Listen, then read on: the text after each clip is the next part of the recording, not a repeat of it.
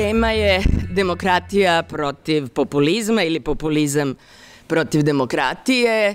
E, populizam je danas e, jedna od tih reči koje više ne znače ništa, jer populistom zovemo i Putina i Trumpa, zovemo veoma različite ideološke e, pravce, veoma različite lidere, ali izgleda da je negde najtačnija jedna od diagnoza koja kaže da je populizam autoimuna bolest demokratije.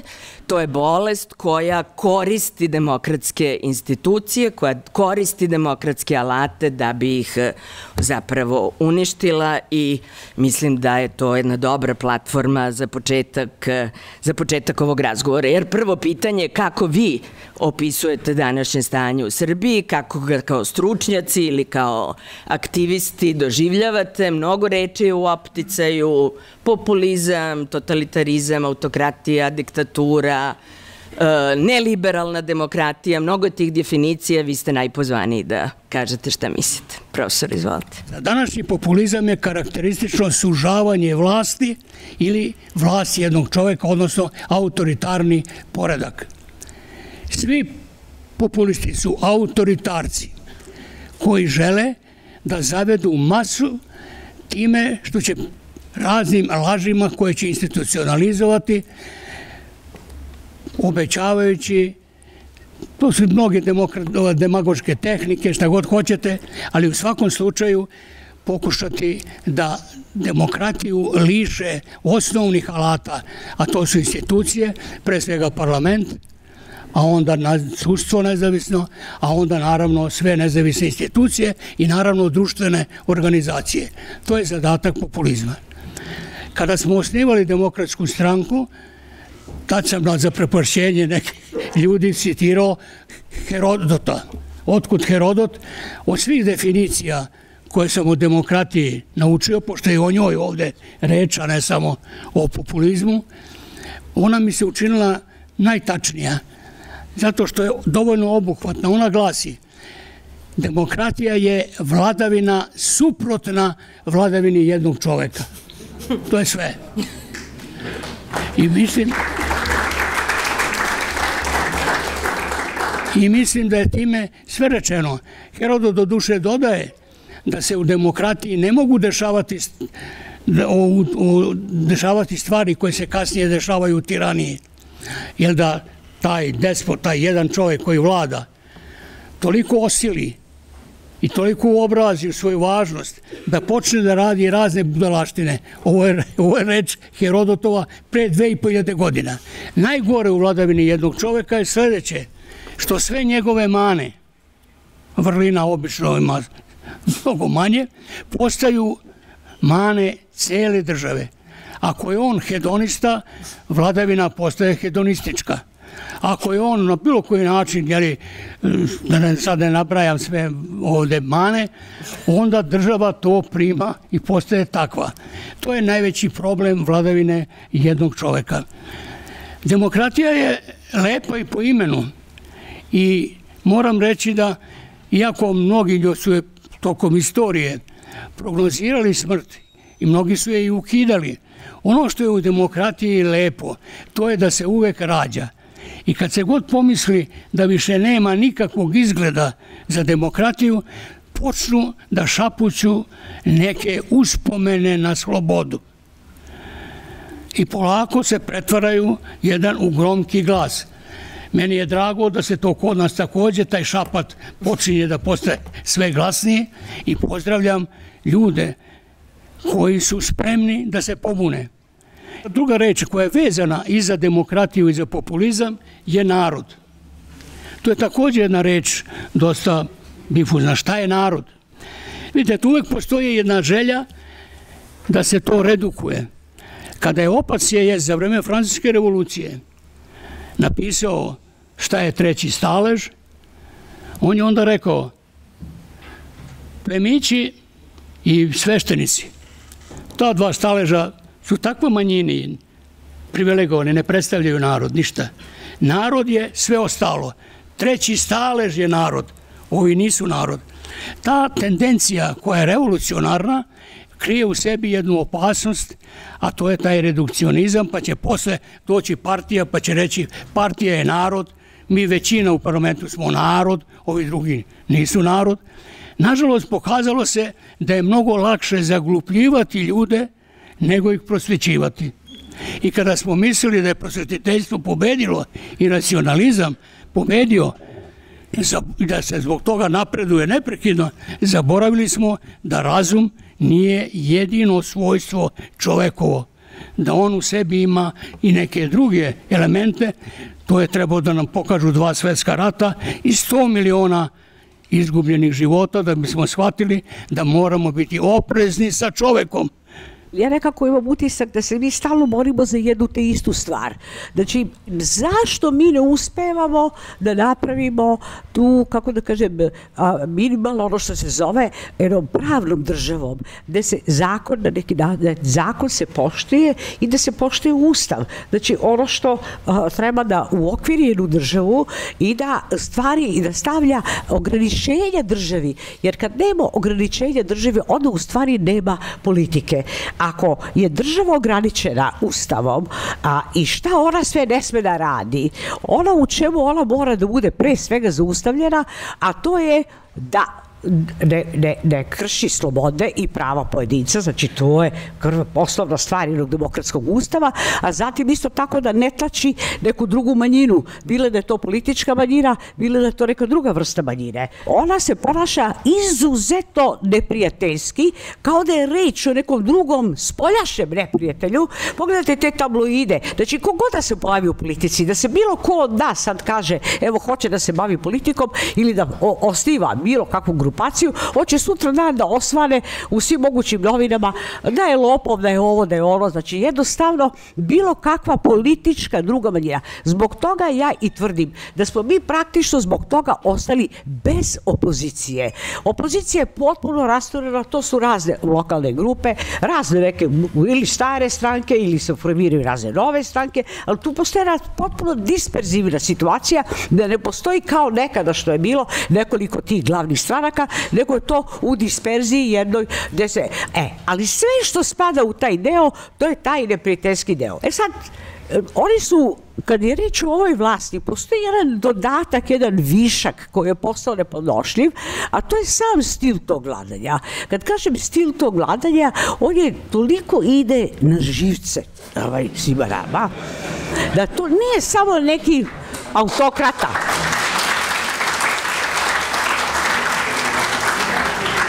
Navikli smo mi na autokrate, kao da sad u Srbiji, od kako je od, prvog ustaka pa dalje, manje više sve su to bile autokrate. Nismo mi sad prvi put imamo autokratu, pa da budemo toliko zapanjeni ovaj, što imamo autokratu, jer mi za tih 200 godina od kako se stvara srpska država, je stalno je bilo pokušaja, znači da se ta unutrašnja sloboda, da se ograniči vlast, donošene su ustavi. Međutim, mi taj temelj nikad nismo uspeli da napravimo. I znači, zbog toga što tog temelja nema, mi se ponovo nalazimo i meni se čini da sam ceo život provela u stvari u jednoj istoj situaciji. Da se stalno borimo praktično za taj osnovni temelj, da ne živimo u bezakonju, nego da živimo u nekom osnovnom redu, u nekoj državi, da ne može neko ko je na vlasti, odnosno ko se bavi državom, da taj u stvari može da nam radi što god hoće. Ali rekli ste da se ovaj nekako razlikuje od prethodnih. Pa, e da pa, to, da se vratimo na to. Evo, to je, da kažem, to je ono ono sada što mi imamo, kako da kažem, jednu ludaka. E, ovaj, e.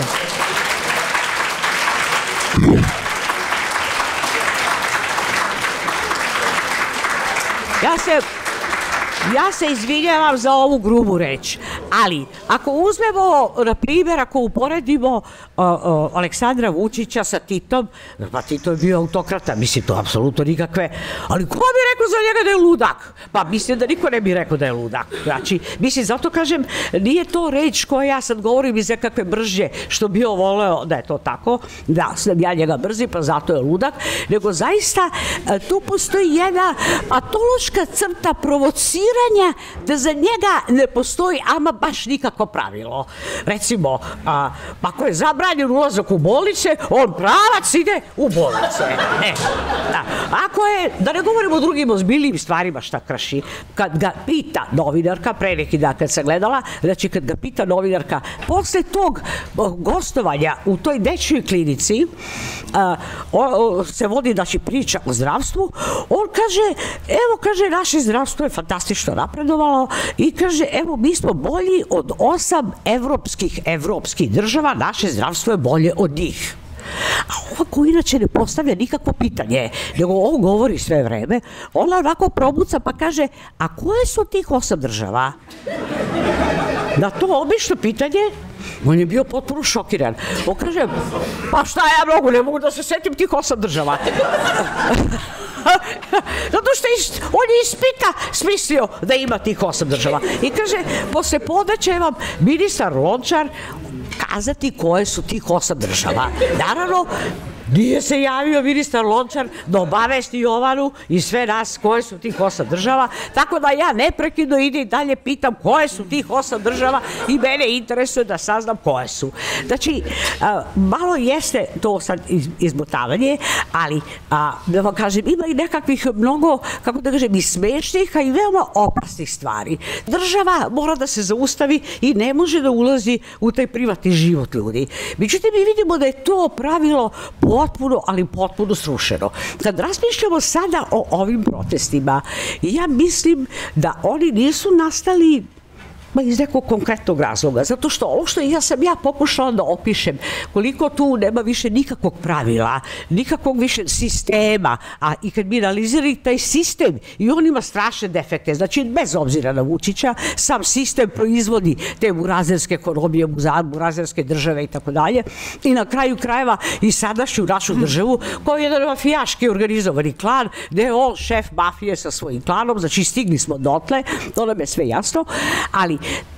taj stil vladanja zajedno sa tim rušenjem svake i najobičnije norme o kojima govorim, da će najobičnije norme nekakve pristojnosti koja se uvažava, a, a, a, sve to prekršeno. Ja mislim da su ovi protesti upravo nastali zbog toga što građani jednostavno neće više da podnose takvu vrstu vladavine. I zbog toga mislim da su ovi protesti jako važni i da iz njih može zaista da izađe i nešto više, odnosno da se porodi nešto drugo suprotno ovako jednoj mafijaškoj vlasti koje sad imamo.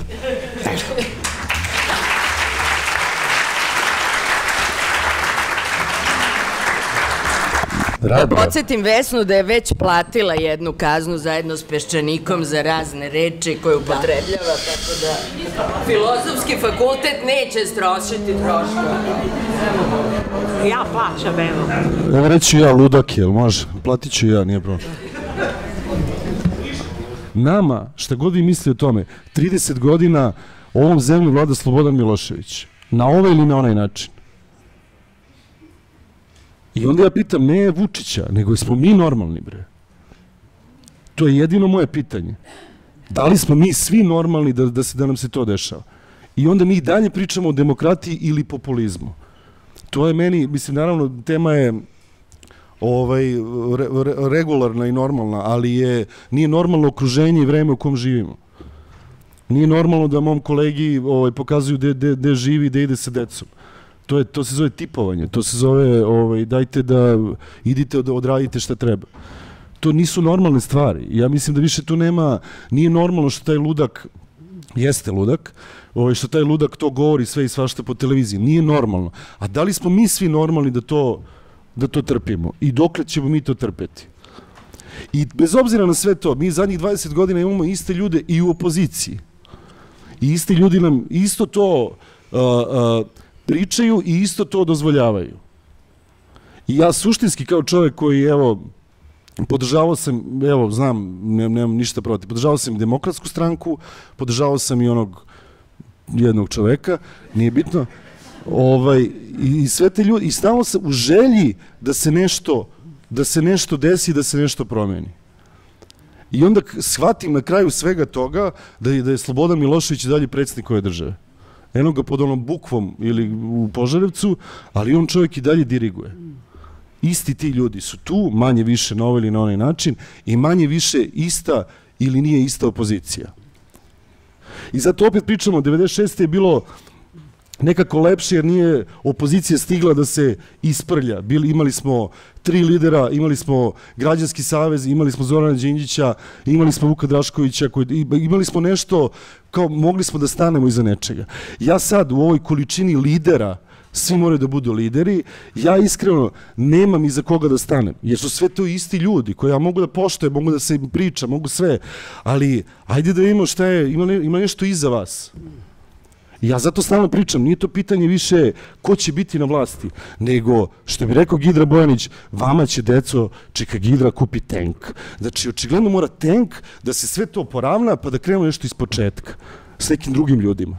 Mislim da je to jedini način da, da, da mi uradimo išta, išta normalno i da neki, da im damo šansu da neka deca žive u nekoj iole normalnoj državi. Mislim da smo tu šansu izgubili, bar mi koji sedimo ovde. Hvala vam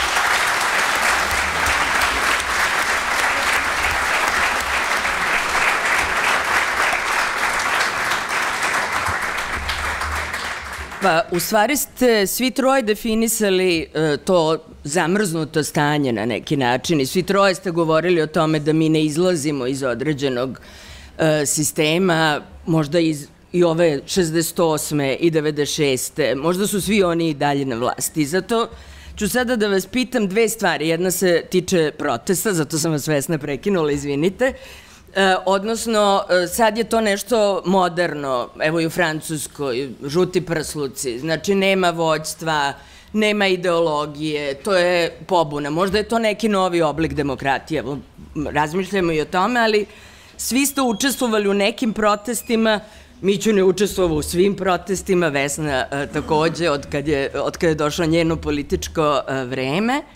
E, I postavlja se pitanje dometa sad protesta. Šta oni sad stvarno znači? Ono što je Vesna počela da priča. Da li je dovoljan taj što je Ban rekao put, da li je dovoljno to što se mi oslobađamo od straha, što se mi bolje osjećamo, što nam je lepo ovde ili nam je lepo uh, u subotom, da li je to dovoljno ili, uh, ili verujete da ovi protesti mogu da daju još nešto više? I još jedna tema koja mislim da je važna kad govorimo o, o demokratiji, uh, E, to je da smo mi stalno na tom početku i ako gledamo koalicije, Mićune, setit ćete se, e, zapisala sam, Ujedinjena opozicija Srbije, to je bila 91. Depos, zajedno, DOS, Savez za promet. I sve su te koalicije sastavljene od nesastavljivih stranaka. To su stranke diametralno suprotnih programa, ali s obzirom na režime one moraju da se nađu zajedno ili to tako izgleda da bi se pokrenula ta borba. I šta mi sad stalno dobijamo? Dakle, mi imamo stalno stranke koje jedne su za Evropu, jedne su drastično protiv Evrope, jedne su za kapitalizam, drugi su drastično protiv kapitalizma. Jedni su za Kosovo, drugi su na... i tako. Dakle, to su suprotni programi. I mi opet imamo tu situaciju da šta ako dođe Savez za Srbiju kako, kako će sad izletiti ta vlast, opet DOS, opet žrtve, Zoran Đinđić je to već platio glavom. Miću. Samo nezadovoljstvo nije dovoljno. Mi moramo da znamo i gde živimo i šta je taj narod i šta je ta država. Pazite, staro je to pitanje. Ja neću sad ovde da podsjećam da je pitanje dobrovoljnog robstva postavljeno u 16. veku. Se čovjek pita šta je to ljudima da stotine hiljada ljudi se pokoravaju jednom čoveku. Možemo reći sad, teorije nam ništa ne treba, ali ja se bojim da naš problem i jeste u tome što smo zaostali. Zaostali smo. Ne znamo dan danas šta je politika. To je ceo problem. Nego mislimo sad ćemo to na brzinu ovako ili onako rešiti, Međutim, moramo da razlikujemo šta je šta. Da znamo da je protest važan, da smo, treba se ohrabriti, ali treba se i organizovati. Ovo do sada, ne razumem kako će to izgledati. Ima parlamenta, nema parlamenta. Ja se bojim da ne potrošimo energije, a da nismo jasno odredili ciljeve u kom smeru upravo mi idemo. Ovo moramo znati šta je u društvu u kome živimo i to je činjenica. Plemenito je naše lično nezadovoljstvo, ali koliko ga sveta deli i da li mi do kraja zavirujemo u onaj deo sveta i naroda koji se i ne buni. Zašto? On je nevidljiv, hrani se u kontejneru, nezaposlen, beže da ide bilo gde da radi. Šta je s tim svetom? Ovde su ucenjeni egzistencijalno. On treba da proda, jeli, da proda zbog te male crkavice, ilega, ilegalno zaposlen ili nije i tako dalje, tu svoju slobodu, šta mu ta sloboda znači? Beda je opasna. Ona s jedne strane potiskuje svako napredovanje i svaku pobunu, a s druge strane kad se pobuni, nikad ne znate na šta će to završiti. Prema tome, ja sam zato do sada da postavimo vrednosti demokratije, da se zna da ne može niko prisvojiti državu, da niko ne može ugušiti parlament nekom većinom, nekakvim bukačkim glasanjem i tako dalje. Da niko ne može prisvojiti i porobiti sudstvo. Ima milion tih ovih manifestacija ugrožavanja demokratije u kojima smo direktno ko ljudi ugroženi. Ja sam za to da se svako to pitanje postavi, pobuni i prisili da se reši. Sad se vratite na ovo. To je isto nerazumevanje politike. Kad je bio depos, Ja sam se sam krstio šta se to dešava. Dolaze ozbiljni ljudi i kaže, evo, imamo dozvolu, vi svi podnosite ostavke, mi ćemo postaviti mudre glave u parlament, mudre glave će da drže dizgine, a stranke će da vuku kola, onda će patrijarh Pavle da kruniše Acu na terazijama, a onda će Aca da kaže Vuku, evo ti mandat, a Vuk će da šutne slobu iz ovoga, iz predsjedništva i sve rešeno. Ljudi su to ozbiljno mislili. I šta se desilo? Desilo se Vuć, Koštunica napravio stranku, divota i priča je završena sa deposom u tvoj jednoj sezoni. Pokazalo se da same partije nisu rešile pitanje, nisu one demokratske. Tu se pojavi vođa, lider, on je, tako se zove stranka, oko toga odma prilete ljudi koji vole da uđu u vlast. Kod nas se ljudi upisuju u vlast, a ne u stranke. Kako je Biću rekao, to se dosta brzo raspalo, a od toga nije bilo ništa, iznikla je demokratska stranka stranka Srbije, koja u stvari nije nikad i bila velika stranka, ona je postala velika stranka kad je pobedio Koštunica na izborima, znači posle 5. oktobra, kada su svi mogući iz jula i ovo što oni već ispričao, taj, taj stampedo na stranku koja je pobednička da se dobiju određena mesta u sistemu.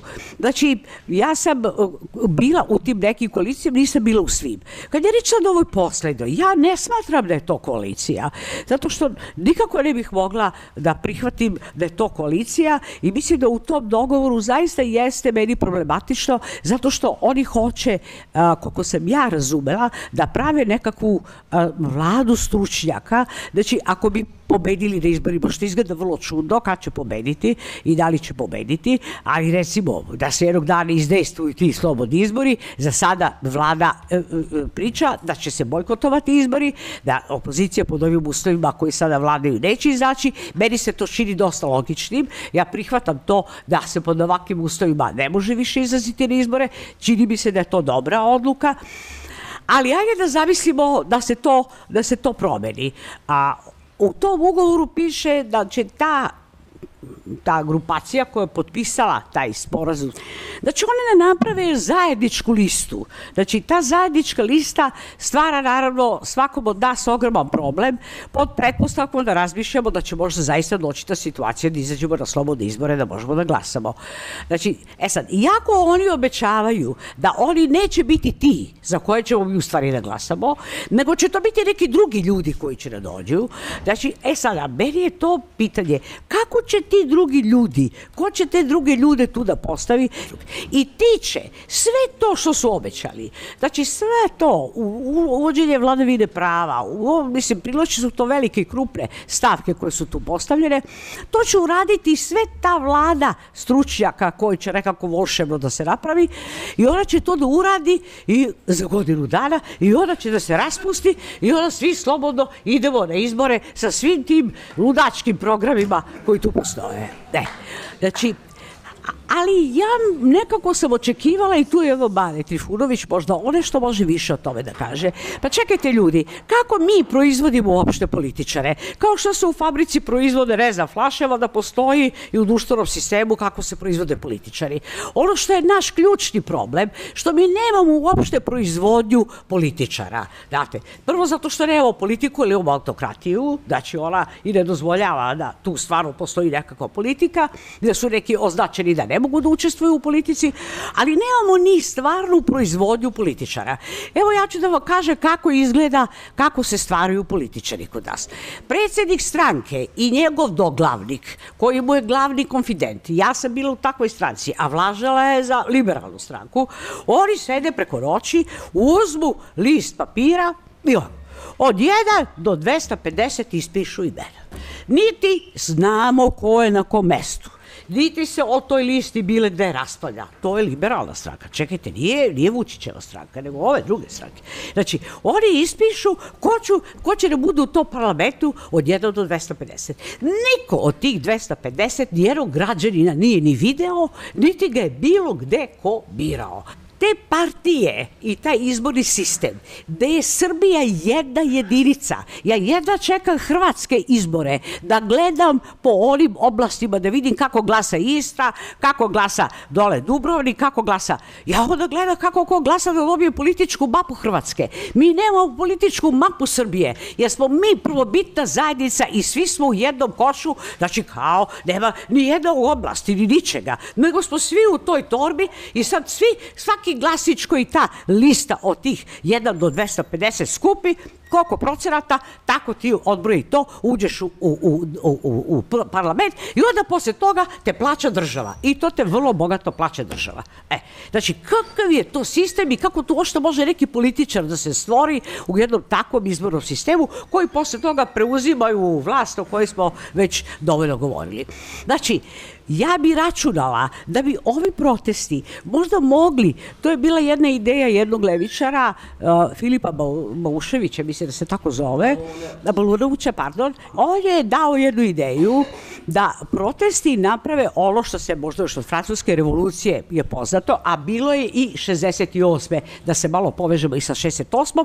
Znači da se napravi konvent tog, tog protesta. Znači da taj protest nešto stvori.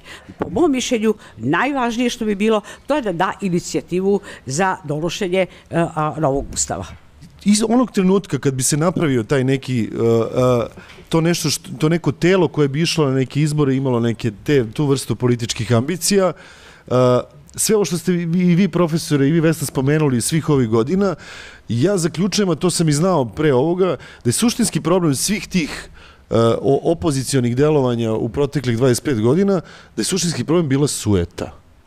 Pa ovi sad isto ovom SZS-u, ja mislim se ne podnose, ne mogu se gledaju verovatno većina i tako dalje i tako dalje. Svako gleda neki ćošak, gde će da se uvuče, gde će da se zavuče i vraćam se na ono što sam rekao na početku, mislim da da je, da je suštinsko pitanje zato što oni ne misle o tri dana u budućnosti šta će se desiti sa ovom zemljom, nego misle kako će oni da se da se postave, infiltriraju i tako dalje i tako dalje. Ako ulazite, ako pristajete na taj nivo borbe koji su uspostavili, koje je ta naša demokratija uspostavila poslednjih 30 godina, vi ulazite u blatu u kojem ne možete ništa dobijete. Jer pristajete na, na pravila igre koje su postavili svi ti ljudi i tu nema, nema, nema dobitka. Ako bi taj protest koji postoji napravio neka svoja pravila, valjda bi mogao da napravi neka svoja pravila. Zašto bi morao da igra po nekakvim tuđim pravilima? Znači, mogo bi, valjda mogu da napravi neka. Ako su i oni ova ista govna koji ako se i taj protest, šta se na tom protestu onda? Ja se ne slažem s tim. Ne, znate šta, ne slažem se s tim. Znači, ne može tako. Znači, morat ćemo, zašto ne bi oni mogli da naprave nekakav proizvod politički, ako bi oni mogli da i oni izađu kao nekakav politički faktor sa nekakvom idejom. Ja sam dala ideju da bi bilo najbolje da se dogovore da pošto je naš ustav nikakav i proizvodi velike štete i opisala sam kako izgleda naš izborni sistem, znači da se u stvari krene od promene samog tog napisanog sistema, znači da se tu i da se organizujemo i da tražimo da se podređene promene u tom sistemu, da se više ne igra po tim pravilima nego drugim pravilima. Recimo da se izbaci potpuno pojam vlasti. Šta će nam pojam vlasti? Šta je vlast? Ne možete da prevedete na engleski reč vlast. Ili ima tamo negde vlast? Ne može, nema to. Postoji država, ne postoji vlast. Da li je moguće u ovoj zemlji uh, baviti se politikom, a ne, ne, bi, ne biti političar? Zašto, za, zašto je to nemoguće? Pa neću, Vesna, neću. Zašto stalno insistirate na tome da mora se, da mora, mora se ima neka stranka? Mora političari da govore. Mora ovo, mora ona. Ne mora, brate. Što mora jebote? Pa ne mora, ne, ja ne, mislim, izvinite, ali zašto bi ja, znači, ko će onda da kontroliše tu vlast ako svi, imamo već 700.000 članova Srpske napredne stranke. Sad da napravimo još, evo, ostalo je nas 6 ili 5 miliona nedodeljenih, evo, napravimo da se dodelimo svi i da svi budemo po strankama i onda ćemo tako da se menjamo. Ko će kontroliše to? Znači, kad je govorio Mićur o protestima, on je rekao da je uvek, kad god je reč o takvim fenomenima, da je potrebna nekakva organizacija. Znači, ja sam se na to nadovezala. Niti ja vas tera da vi nešto specijalno radite pri tome, nego je reč bila kako sada kad imamo pomuljeni, pomuljene građane, kako iz toga da li postoji nekakva organizacija ili ćemo da prihvatimo ove koji nam se nude, koji su se već tu sastavili, napravili neki ugovor sa narodom i da kažemo dobro, onda je to to, podržavamo to, ili može da se napravi nešto drugo. Znači, prosto je rekao da ne može nešto neorganizovano da da nekakve rezultate na ovom polju. Mićuna, opet ste krivi, molimo vas da se branite. Meni je simpatično, naravno, da ljudi uh, hoće da protestuju kao građanin, ipak i on građanin, jeli? I ne žele da se bave politikom, da, zašto bi.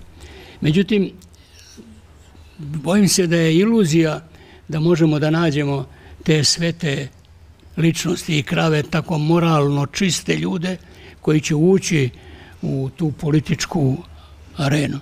Treba biti mnogo naivan pa u to poverovati. Međutim, nema, moram da vas razočaram, nema dobre vlasti. Ima samo dobro kontrolisane vlasti. To mi moramo da naučimo. Države.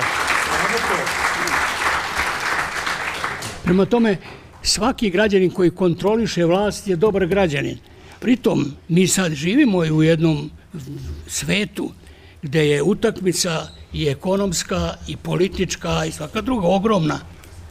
I tu treba tražiti spas u pravilima, procedurama, a ne u vrlinama koje ćete otkriti kod ljudi. Zašto oni neće da podržavaju domaće preduzetnike. Zašto su propali, tako reći, svi naši poznati tajkuri pod znacima navoda i zašto su propali naši preduzetnici? Evo zbog čega. Zato što mi kad govorimo o moći i o vlasti, mi gledamo samo jednu vertikalnu strukturu, da će oni koji raspolažu tom totalnom vlašću i mi dole podanici koje sluge koje ne raspolažemo ili obični podanici koje ne raspolažemo ničim. Međutim, pluralizam nije samo više partijski sistem. Da bi mogao da postoji pluralizam, on mora da postoji ono što mi sociolozi kažemo horizontalno. Drugim rečima, da u društvu ne postoji samo jedna moć, politička moć, nego da mora da postoji još nekakve moći u društvu. To je naravno ekonomska moć.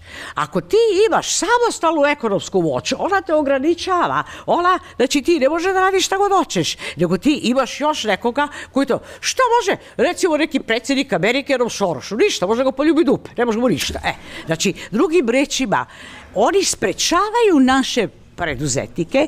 Prvo, oni ih reketiraju čak i najmanje radnje, znači uzimaju reket, gde god stignu i frizerskim radnjama, a onda neće da se oni razviju zato što bi se onda vizavi Vučiću pojavili neke samostalne ljudi sa novcem koji takođe i novac je nekakva moć. Prema tome slažem se da su da je taj sistem tako i, i, i da su podređeni i da zaista i privreda slabo može da funkcioniše pod jednim sistemom koji ne podnosi nikakvu drugu moć izuzev jednog čoveka koji se zove Aleksandar Vučić. Znači ništa, niko, niko drugi da ne postoji.